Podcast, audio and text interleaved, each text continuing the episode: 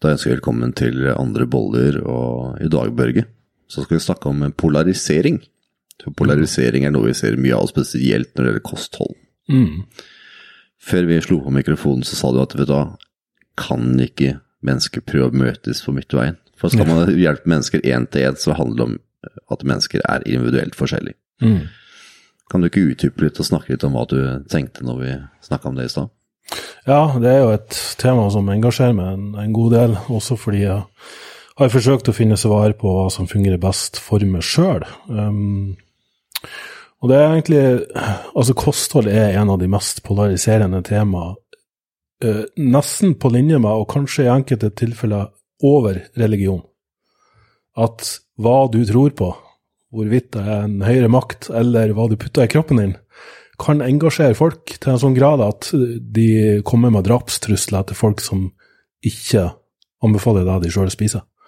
Det er det faktisk helt, helt vanvittig, spør du meg. Så hvorfor det er blitt en sånn stor greie der folk i stor grad identifiserer seg med hva de spiser, det, det har jeg ikke noe godt svar på. Men vi kan jo si at sånn helt rent fysiologisk så er vi i, i bunn og grunn ganske like alle sammen. Sant? Og så ser du på alle andre arter på jorda, så en ulv vil spise én uh, ting, uavhengig om det er på sletten i Sibir, eller uh, om det er han som jager sauen uh, til bonden her i, i, i, området her. Um, og en bestemt fugleart vil spise en bestemt type mat. Altså i det hele tatt så vi, vi, mennesker er vel de eneste som har et såpass variert kosthold som det vi har.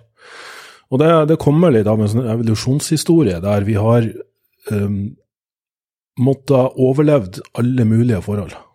Så vi, vi, er en veldig gammel art i det store perspektivet.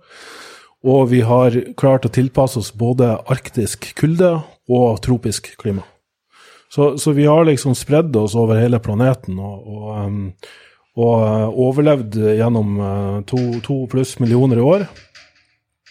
Og dermed så har vi, vi også uh, gått gjennom tilpasninger, fordi, fordi, vi har en genetikk som tillater oss å ganske hurtig eh, i den store sammenhengen, da, vi snakker om eh, en del generasjoner før at de endringene manifesterer seg, men vi er i stand til å tilpasse oss et, et relativt variert kosthold. Så, så, gjennom ganske mange millioner i år så har det vært primært animalsk vi har spist. Det, det, det, tror jeg de aller fleste er enige om, både ut fra antropologisk og arkeologisk eh, ståsted. Også med en forståelse av at vi gjennom eh, ganske lang tid av menneskets eh, eksistens har hatt en istid. Altså det har, det har ikke vært tilgang på plantekost på planeten. Så, så i, i, all hovedsak har vi mange eh, tilpasninger, hvis du ser rent fysiologisk hvordan fordøyelsessystemet vårt er bygd opp. da. Det er en sånn uomtvistelig faktum at vi har en, en veldig eh, bra evne til å fordøye proteinrikt, eh, proteinrik mat, animalsk mat. Det fordøyes med 99% effektivitet. Så eh, det er liksom når noen sier at eh, f.eks. enkelte typer kjøtt er tungfordøyelig, så stemmer ikke det med, med fakta. fordi at uh, hvis du kun spiser kjøtt, så fordøyes det her til en sånn grad at du kan svelge en hel bit kjøtt, og um, etter en viss periode så er den helt flytende når den passerer gjennom tarmen. Det er folk med utlagt tarm som ser at spiser de kun kjøtt, så er det kun ren væske som kommer gjennom. Spiser de plantekost, så kommer det veldig mye eh, biter som er ufordøyd. Eh, så, så bare mm, liksom med det i bakhodet, så er det fremdeles sånn at vi har eh, forflytta oss over store landområder, eh, der noen har emigrert nordover og lever i et klima der vi har tilgang på den maten vi har her, mens noen bor i tropiske klima og ikke trenger å spise mye dyrebasert, altså animalsk, fordi de har så rik tilgang på eh, plantekost og, og, energirik frukt og, og bær og, og grønnsaker. Så, så, der oppstår da en del forskjeller eh, som gjør at når, når vi skal diskutere hva som er det beste kostholdet, så må det ofte defineres i mye større grad uh, hvem vi faktisk har med å gjøre. Uh, at, at det, har, det har skjedd endringer, ikke bare på genetisk og arvelig, altså gjennom generasjoner, men, men det skjer også endringer, uh, det som nå kalles epigenetikk, der vi har, har, sett at ja, du blir født med et visst sett med gener som disponerer deg for enkelte sykdommer eller fravær av det, eh, og enkelte typer mat, da, og sammensetning av mat. Men hvordan du lever livet ditt, vil også påvirke det gensvaret som kommer ut, og hvordan kroppen din over tid endrer seg. Så identiske tvillinger som lever på to forskjellige måter, vil etter hvert ende opp med to forskjellige fysiologier også, selv om de i utgangspunktet er, er født identisk. Det er veldig spennende. Ja, ja. For jeg pratet akkurat med en som er forsker på epigenetikk, eh, og DNA er jo noe som DNA er satt, mens epigenetikken er på en måte som styrer DNA-uttrykket. da. Og Da kan man måtte slå disse uttrykkene av og på, ut fra hvilke miljøfaktorer man får, hva man spiser osv. Det er utrolig spennende. Det er utrolig ny forskning, egentlig. Man vet jo egentlig svært lite enda, men det er jo spennende. Ja, det er veldig spennende. Jeg som på en måte har tilegna livet mitt på å forstå det her, jeg har fremdeles sikkert bare skrapa i overflata.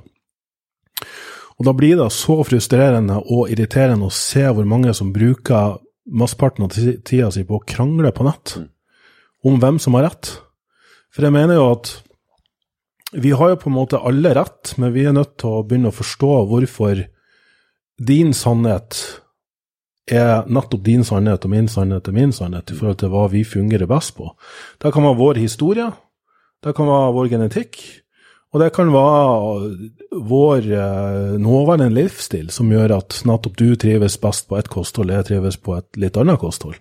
Altså, Fundamentet i kostholdet kan være ganske likt, men liksom de nyanseforskjellene det er liksom der folk går slitt bort i og krangler om hvem som har rett. Og hvis vi i større grad har forsøkt å finne ut av hvorfor de individuelle forskjellene eksisterer, så, så har vi løfta kunnskapsnivået til alle sammen så mye mer enn å drive og krangle om at en lavkarboperson sitter og krangler med en høykarboperson, som sitter og krangler med en veganer, som sitter og krangler med en kjøttspiser. Altså, skjønner du, folk har en sånn tribal uh, sånn, sånn uh, behov for å tilhøre en, uh, en bestemt ja, tribe, da. Jeg kommer jo ikke på det norske ordet, men en bestemt religion, kostholdsreligion.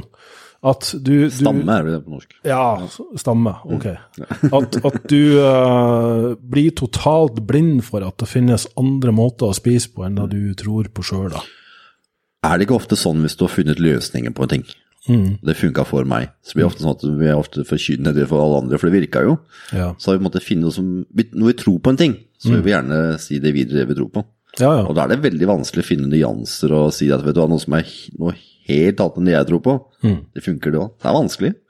Det er utrolig vanskelig. Jeg har sjøl vært fanga i den, da. Fordi jeg fant noe som fungerte for meg, så skulle jeg få alle til å følge det. Fordi det var liksom løsninga på, på alle verdens problemer og krig og fred og sånn. Men så forandra kroppen min seg, og så fungerte ikke det som fungerte før, like bra lenger. Og som vi også har snakka om tidligere, bare liksom eh, tilgang på eller mangel på sollys kan påvirke hvor mye karbohydrater du tåler. Eh, Har det en sammenheng? det er en eh, veldig klar sammenheng mellom både hvor du bor i verden, og eh, altså i mørketida så fungerer lavkarbostudier bedre enn eh, når vi har rik tilgang på sol og produserer masse vitamin D. Og eh, kanskje da også i tillegg mer bevegelse. Eh, da, da har vi generelt sett en, en bedre karbtoleranse, altså tåler mer karbohydrater. Så det, det er en ganske sånn klar sammenheng som uh, selvfølgelig også på individnivå påvirkes av uh, genetikk og arv. Ja, for det er jo helt klart at når man får mye sol og kjenner den deilige strålen man kjenner vi får, Energien kommer jo, Ja, ja. så det er ikke noe tvil om man forbrenner mer og Ja, ikke sant, og det er jo, vil tro for de fleste, velkjent at når det er mørkt og kaldt ute, så uh, tiltrekkes vi mer av si tyngre mat, som vi kaller det. Altså mer mettende mat, mer uh, uh, kraft, suppe, gryte, burger, liksom kjøtt, og mer som proteindominant. For da har jo også våre forfedre gjennom den tida av året uh, naturlig jakta mer, for da kunne de ikke gå og plukke epler lenger. Sant? Alt var frossent. Da fantes ikke noe jordkjeldere på den tida, så du kunne lagre uh, plantekost over vinteren. Så da var det liksom fisk, veldig mye fisk da her i Norge, selvfølgelig, vi, vi har eh, basert oss på. Og så kommer sommeren der alt blomstrer og vokser og er veldig næringsrikt. Og, og får sollys eh, Altså naturen får også sollys og begynner å blomstre og vokse. Og tilfører da oss mer med, med næring. Jeg lurer på en ting, Mhm. som alltid. Er det. I Norge så har vi jo, jeg tror vi har rundt 3 matjord. Mm. Vi er et ganske stort land, det vil si at vi har veldig liten plass vi kan dyrke.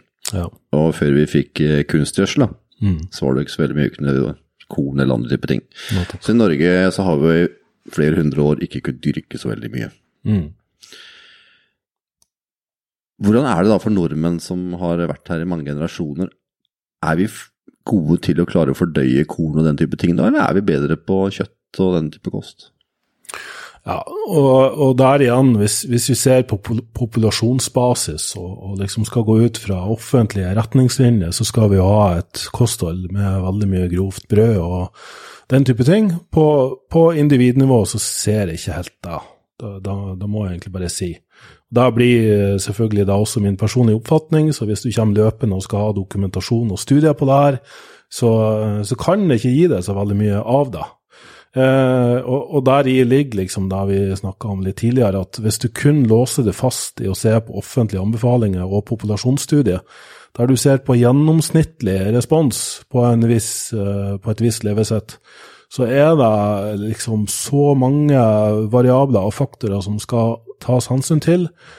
Eh, og du ser på en gjennomsnittlig respons på, på en viss intervensjon, der vi kan si at, at de fleste av oss kan være enig i hva et sunt kosthold er. Men på individnivå så kan det være noen som har negativ effekt på det kostholdet, som for den ene personen som trekker opp gjennomsnittet, fungerer kjempebra. Så ja, for å svare på spørsmålet ditt, så ser jeg på individnivå at svært mange får fordøyelsesproblemer, dårlig blodsukkerkontroll, og gjerne overvektsproblemer og, ulike fysiologiske problemer da, ved å spise et Vi her i Norge spiser jo veldig mye brød. Det, vi gjør jo det. Det er jo, det er jo en brødnasjon. Enten det er morgenbrød eller det er kveldsbrød, liksom, så er det eh, 70 pluss prosent av måltidene er liksom brødbasert. Og der kanskje bestemor spiste ei litt tynn brødskive med et tykt lag med smør og masse pålegg på, så er det her så vidt at altså du, den, den kjøttskiva på toppen er så tynn at du ser gjennom den. sant? Og den, den er gjennomsiktig. Og så skal det ikke være smør, du skal jo bare ha sånn margarin og sånn planteolje på. Og så, og så skal det være veldig tykke, grove, så grove som mulig. Og der også, jeg må bare nevne da, for det er litt ironien i at vi, vi, um, vi får uh, hele tida høre hvor sunt det middelhavskostholdet er. Uh, og veldig mange tror på det, og jeg har ingen grunn til å tvile på det. Uh, men ser du på hvilken andel brød utgjør av middelhavskosthold, så er det kun som en oppvarming før hovedrettene kommer. Og det er så lyst brød at det er ikke spor av eh, grovhet i det. Det er veldig lyst brød, og det er som regel surdeigsbrød, som da også har sine positive eh, eh, egenskaper. Og det er litt ironisk med tanke på at vi ikke har dyrka korn så veldig mange hundre år i Norge. Mm, det det, husker i starten av min podkastkarriere så snakket jeg med en som heter John Ratey. Han var ansett som en av verdens beste leger. Han er professor på Harvard, blant annet. Og når jeg fortalte han om at vi spiser brød, og hvor mye brød vi spiser, for det var ikke noe han anbefalte, så fikk han helt sjokk. Han trodde nesten ikke på seg. Han måtte sende dokumentasjon for å vise at vi spiser faktisk så mye brød i Norge. Ja. det er ikke vanlig å spise så mye brød som det vi gjør. Nei, det er faktisk ikke det. Og den vanen er litt vanskelig å bryte opp, for den er veldig enkelt med brød. Du tar med deg brød på jobb, og du har noen skinkeskiver og en ost på. Og så har du liksom løst den utfordringa. Ja.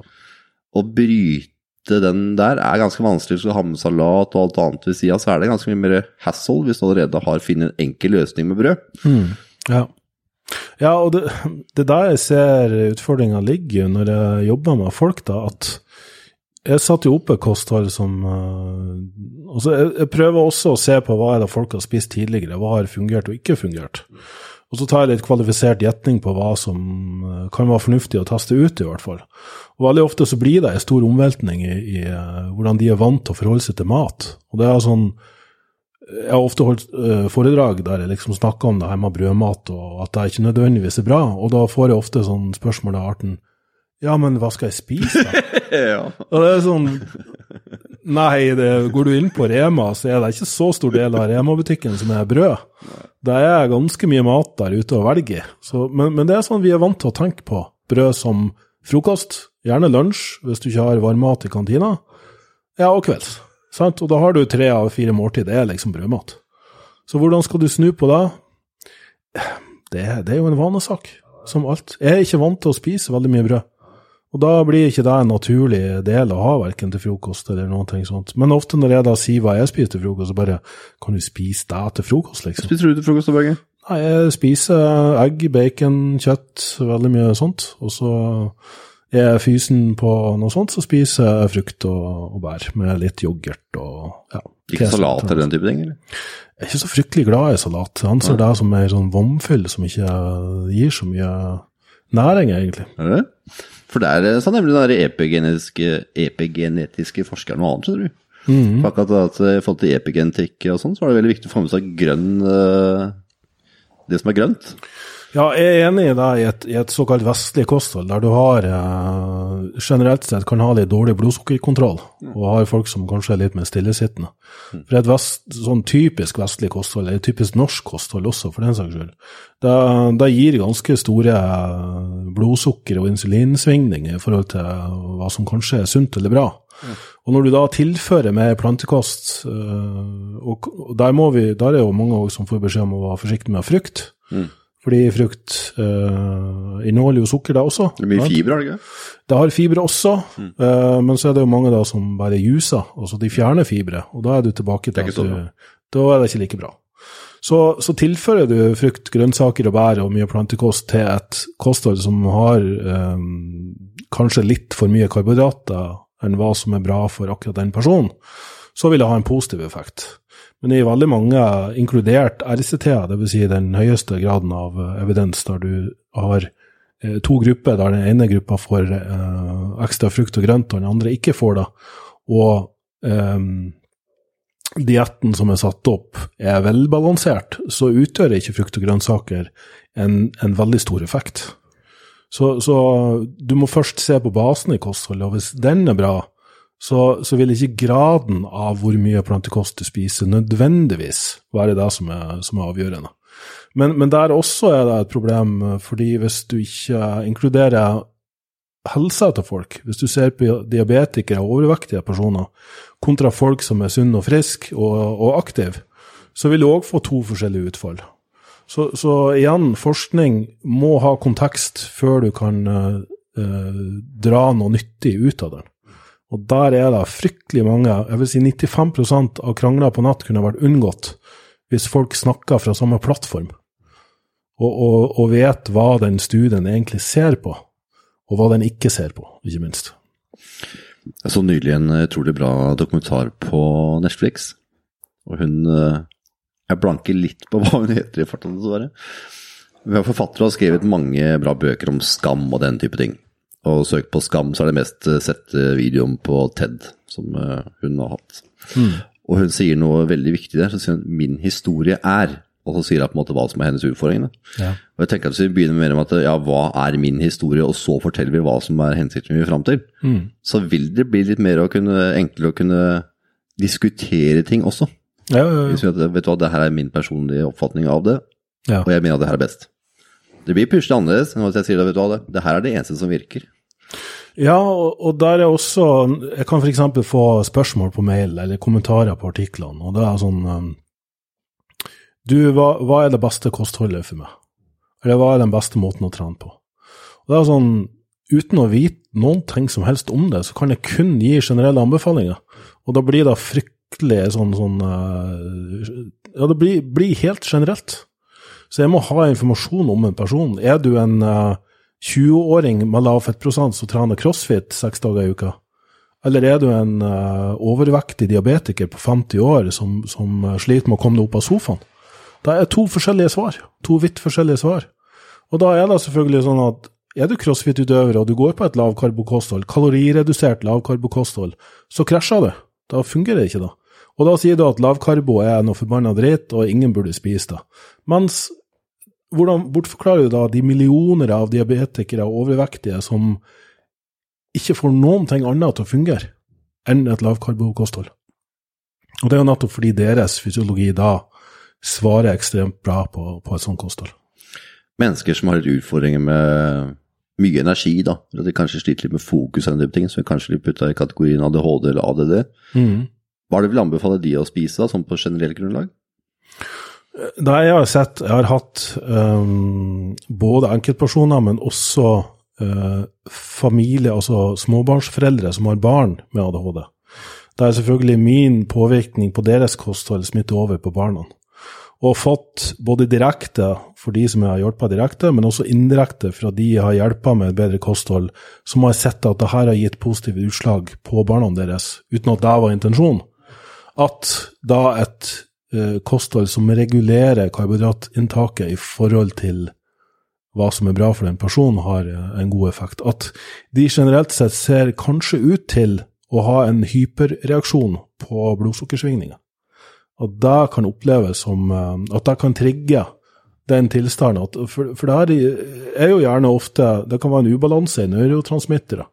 Det kan Du ser jo veldig ofte at de de er såkalt polaritetsrespondere. De bli, de blir rolig av stimulanter. Hvis du gir en vanlig person uh, medisin for ADHD, så blir de helt hyper. Mens en person med ADHD blir roligere av det. Og de kan bli gira av sovemedisin. Altså ting som beroliger andre, kan de bli gira av. Uh, mange kan bli uh, trøtt av kaffe, f.eks. Altså, ja. Så, så um, det, det, det, kan, det, kan, være en sånn grunnleggende Jeg har ikke svaret på nøyaktig hva fysiologien bak er. Jeg tror nok mange også kanskje er feilmedisinert. Eller det vil si at de får medisiner før du har prøvd andre intervensjoner. Det er kanskje et kosthold der du ikke lever på Red Bull hele dagen, hadde vært lurt. Sant? Og at hvordan du forholder deg til stress og tanker, hadde vært lurt å se på. Eh, der er det gjort veldig mange interessante studier der eh, det bare viser seg at folk med ADHD har um, problemer med å styre tankeprosessene sine, altså fokusere tankeprosessene sine. At de er såpass, skal vi si, voldsomt kreative at med mindre de lærer seg å håndtere tankene sine, så går det litt sånn all over the place. Og det er jo noe som heter, det er en bok som heter Da Vinci-syndrom, eller Da Vinci altså Da Vinci var jo per definisjon eh, ADHD. Han hadde per definisjon ADHD. Og veldig mange kreative og hyperintelligente personer har hatt, eller kunne ha fått, en ADHD-diagnose. Så, så da eh, Hvis det styres, dirigeres riktig, så kan det være ekstremt smarte personer som bare har Um, problemet med da, å, å, fokusere den kreative energien sin. Ja, for det er vel at tankene går veldig fort, og det kommer ja. veldig mange tanker, og så måtte man løpe man, for man klarer ikke å få kontroll på hva man tenker. Det er vel mm. det som er uh, utfordringen. Mm. Men du sa noe med at det kunne være litt sånn uh, i forhold til blodsukkersvingninger. Kan det da være bedre å tilføre litt mer fett til kosten, så man ikke får de svingningene, eller hva er det du anbefaler da som gjør at det ja, rett og slett. Og der er også enkelte som faktisk bare ved å spise mer protein Der normalt sett det å spise mer protein, eh, for det stimulerer til insulin og glukagonproduksjon og kan omdannes til glukose osv. Hos folk flest da, som har en sunn fysiologi, så er protein veldig mettende. Altså for de her så stimulerer det, altså de blir hyper av det. Altså at, at de får um, blodsukkersvingninger av det, og blir mer sultne av det. Så, så, det som ser ut til å fungere best for sånne type folk, det er faktisk et ketogent kosthold, der du spiser ekstra mye fett på bekostning av protein, og at du da må eh, holde karbohydratinntaket under kontroll og, og si tilfør deg strategisk når du har høyt forbruk av glukose. Under eh, eksamensperioder forbrenner hjernen eh, veldig mye glukose, f.eks., og under intensiv trening av høy, altså høy intensitet og varighet, så forbrenner du også mye glykogen og trenger ekstra tilførsel av glukose. Og, og, så, så, igjen, se på kontekst. da. Og da har jeg på enkelte personer som um, ja, Hvis de er litt overvektige og kanskje litt stillesittende, så er et strikt ketogenkosthold noe som fungerer veldig bra. Men hvis du har en, uh, en person med lav fettprosent som er aktiv, så er vi plutselig over på at kanskje et ketogent som base, dvs. Si det er forholdet mellom protein og fett, men tilfører karbohydrater strategisk eh, før og etter trening, før, under og etter trening, så går det på en måte direkte til bruk eh, i muskulatur og skaper ikke store blodsukkersvingninger, fordi vi rundt trening har en, en uh, ekstern styring av blodsukkerkontroll som, som altså, det heter non-insulin dependent glucose. Altså at du, du, trenger faktisk ikke insulin for å styre blodsukker når du trener. Så, så, så det kan være en strategi, da, at du fokuserer karbohydratinntaket rundt trening. For de som er det motsatte enden av skalaen, som føler at vet du hva, nå er ikke energien veldig på topp her. Mm. Hva er et pluss å tilføre da? Ja, også, for, for, min litt sånn fundamentale filosofi, det er å også kunne ta folk gjennom Um, jeg tror mange som har levd på et veldig karbohydratbasert kosthold eh, gjennom hele året, og kanskje gjennom veldig mange år, eh, det er noe som heter metabolsk fleksibilitet. Der eh, vi har godt av å kunne switche drivstoff etter behov. Så hvis du kun spiser karbohydrater, så blir kroppen etter hvert tuna inn mot altså Den styres veldig av blodsukkersvingningene. Og sånne personer vil oppleve et veldig varierende energinivå. De føler seg bra når de har karbohydrater og blodsukker eh, innen normalområdet eller høyt, og så får de skikkelig krasj når blodsukkernivået dropper, rett og slett fordi kroppen deres har ikke lært seg å bruke fett eller ketoner som drivstoff. Så uh, i, i, slike tilfeller hender det at det kjører en fire til seks, kanskje åtteukersfase med et ketogent kosthold, eller, eller, i hvert fall et karbredusert kosthold, der kroppen i større grad lærer seg å bruke fett og ketoner som energi, og så tilbakefører vi karbohydrater, uh, også strategisk, men også i varierende grad ut fra deres karbtoleranse. Og, der er det også igjen på individnivå.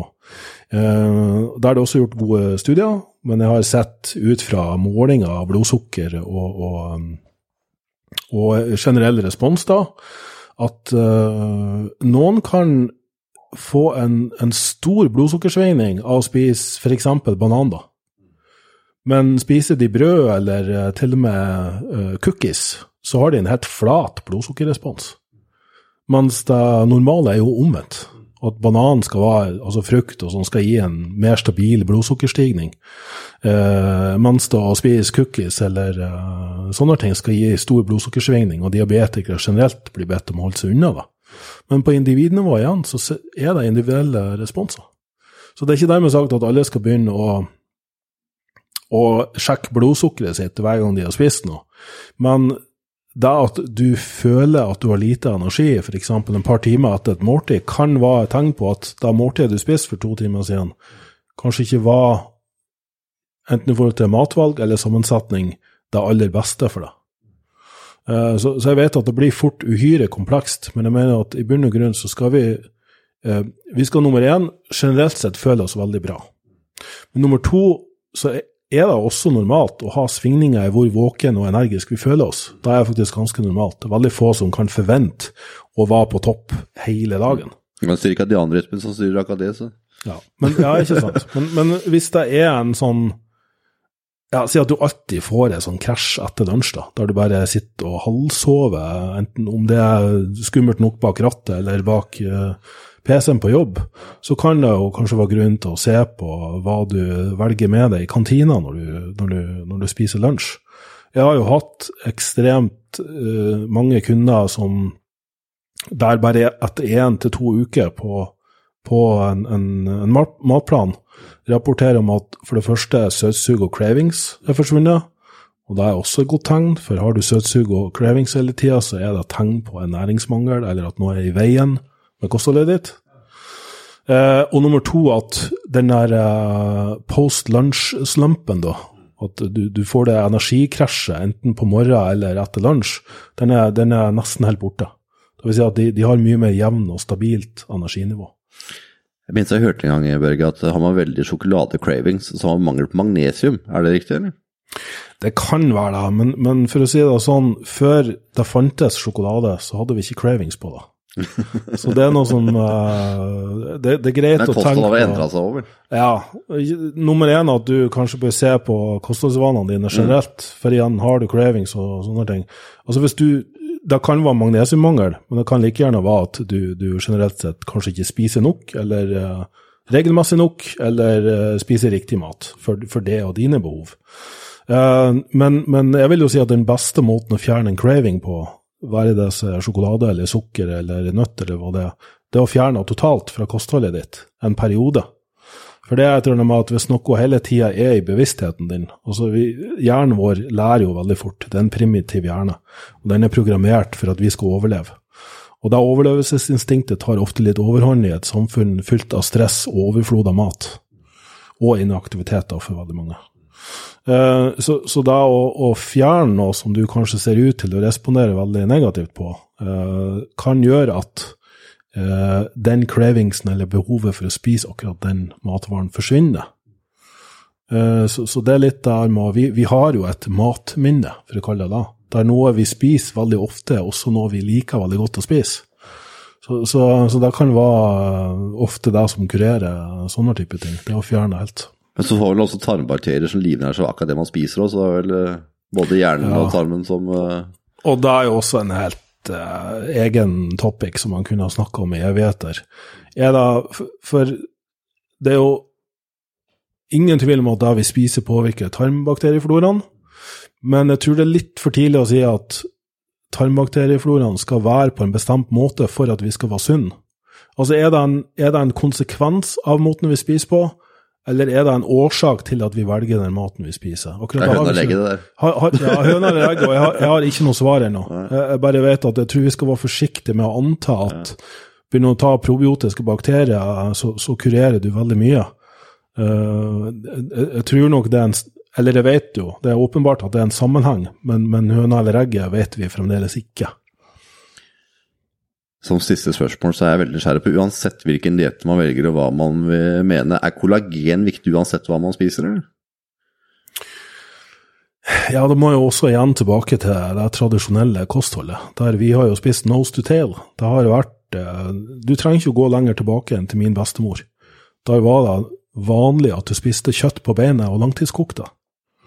Eh, og når vi nå i dag eh, i større grad får tut og ørene fullmat, du skal kun spise magert kjøtt, så, så, så, mener jeg at vi fjerner noe som har vært med oss i tusenvis av år. Og at vi kanskje fremdeles ikke aner konsekvensene av det. At, at uh, mange av de tingene vi legger skylda på uh, At vi begynner å demonisere enkeltting i kostholdet vårt. Ja, det, det, er sukker sin feil, eller det er matta fett sin feil, eller det er egg sin feil, eller hva, hva pokker enn du, du, Som er the flavor of the day, da. Ja. Så kanskje vi heller skal begynne å se på hva er det vi mangler i kostholdet vårt. Hva, hva, er det vi, vi, kanskje har spist gjennom mange tusen år og generasjoner, som vi ikke lenger spiser, og som det kanskje stilles større krav til i et moderne kosthold? Eh, fordi vi er ikke småbrukere lenger. Vi bor ikke på gård. Vi, vi, er ikke ute på jordene hele dagen, eller ute i skogen hele dagen, eller ute på havet hele dagen. Vi sitter foran uh, PC-skjermer på et kontor i kunstig belysning og er innom uh, Sats eller Elixia liksom på vei hjem Eh, og kjøre, kjøre, dit. Altså, skjønner du, vi, vi, har en helt annen livsstil i dag, som kanskje òg setter større krav til kostholdet enn enn hva det noen gang har gjort. Vi kan være overvektige, men allikevel underernært. ja. ja. ikke sant? Men det er, en, det, er en, det er, jo et faktum. Vi ser jo da at de har åpenbare tegn på næringsmangler, mm. sjøl om de har uh, 100 kg overflødig fett på kroppen. Så budskapet er i dag uh, kom seg ut? Få bevegelse, og mm. ikke minst få nok eh, mikronæring. Ja, og så prøver vi kanskje i større grad å, å um, finne kosthold som fungerer for deg sjøl, og ikke prøve å lete etter svaret der ute hele tida. Jeg liker å gi folk så mange referansepunkter som mulig. Så det er sånn, Har du spist karbasert hele livet ditt, så kanskje prøve lav karb en stund. Og, og, og, det er jo selvfølgelig som med en gang du gjør en endring, så er det noen som vil føle seg fantastisk med en gang, men over tid vil de føle seg for jævlig. Eh, noen vil føle seg for jævlig i starten, men holder de ut i altså den såkalte keto-adopsjonen og tar to uker for kroppen tilpasser seg, og da kan mange føle seg helt for jævlig i starten. Men holder de ut, så er det noen som bare ja, sier de får et nytt liv etterpå. Men det er ikke dermed sagt at du da skal spise ketogent kosthold resten av livet, for det er ikke sikkert det her kostholdet fungerer når det blir sommer igjen, eller eh, når du har gått ned i vekt. Da kan det hende at du må igjen begynne å endre litt på ting. Så vær forsiktig med å låse det fast, vær dogmatisk i kosthold, og vær forsiktig med å anta det som fungerer for uh, din favorittekspert eller Instagram-idol, fungerer for det også. Uh, og, og, igjen, det her er utrolig komplekse og kanskje også betente tema, ømme temaer for mange. Fordi mange gjerne identifiserer seg med, med hva de spiser. Så men jeg tror det er på tide at vi nummer én begynner å se på mat som drivstoff, ikke som nødvendigvis straff og belønning hele tida, og at vi begynner å, å, fjerne mange av de merkelappene vi har, der det er enten ja-mat, nei-mat, sunt, usunt. Alt handler om uh, hvor du befinner han, ditt ståsted, og eh, mengde av det du spiser. Jeg mener at alle skal kunne spise sjokolade, men du trenger ikke trykke i det et halvkilo, liksom. Så, så, det er litt med at hvis, hvis, vi klarer å Hvis vi klarer å slutte å gjøre det her så forferdelig viktig, så, så, kanskje vi i større grad er i stand til å lytte til vår egen intuisjon. 100 enig, Børge. Og tusen takk for at du tok deg tid til å dele med oss igjen. Mm -hmm. Bare hyggelig, det. For deg som lytter, hvis du ønsker å sende noen forslag til temalister, så sender du til podcast at myrevolution.no. Og så er det sånn at vi ønsker å ha en lytter i studio i Skien som kan spørre Børge spørsmålet on air. Så hvis du ønsker å komme og være som gjest, så send oss gjerne inn forslag innen 1. juli. Tusen takk for at du hørte på, og ha det bra. Ha det bra.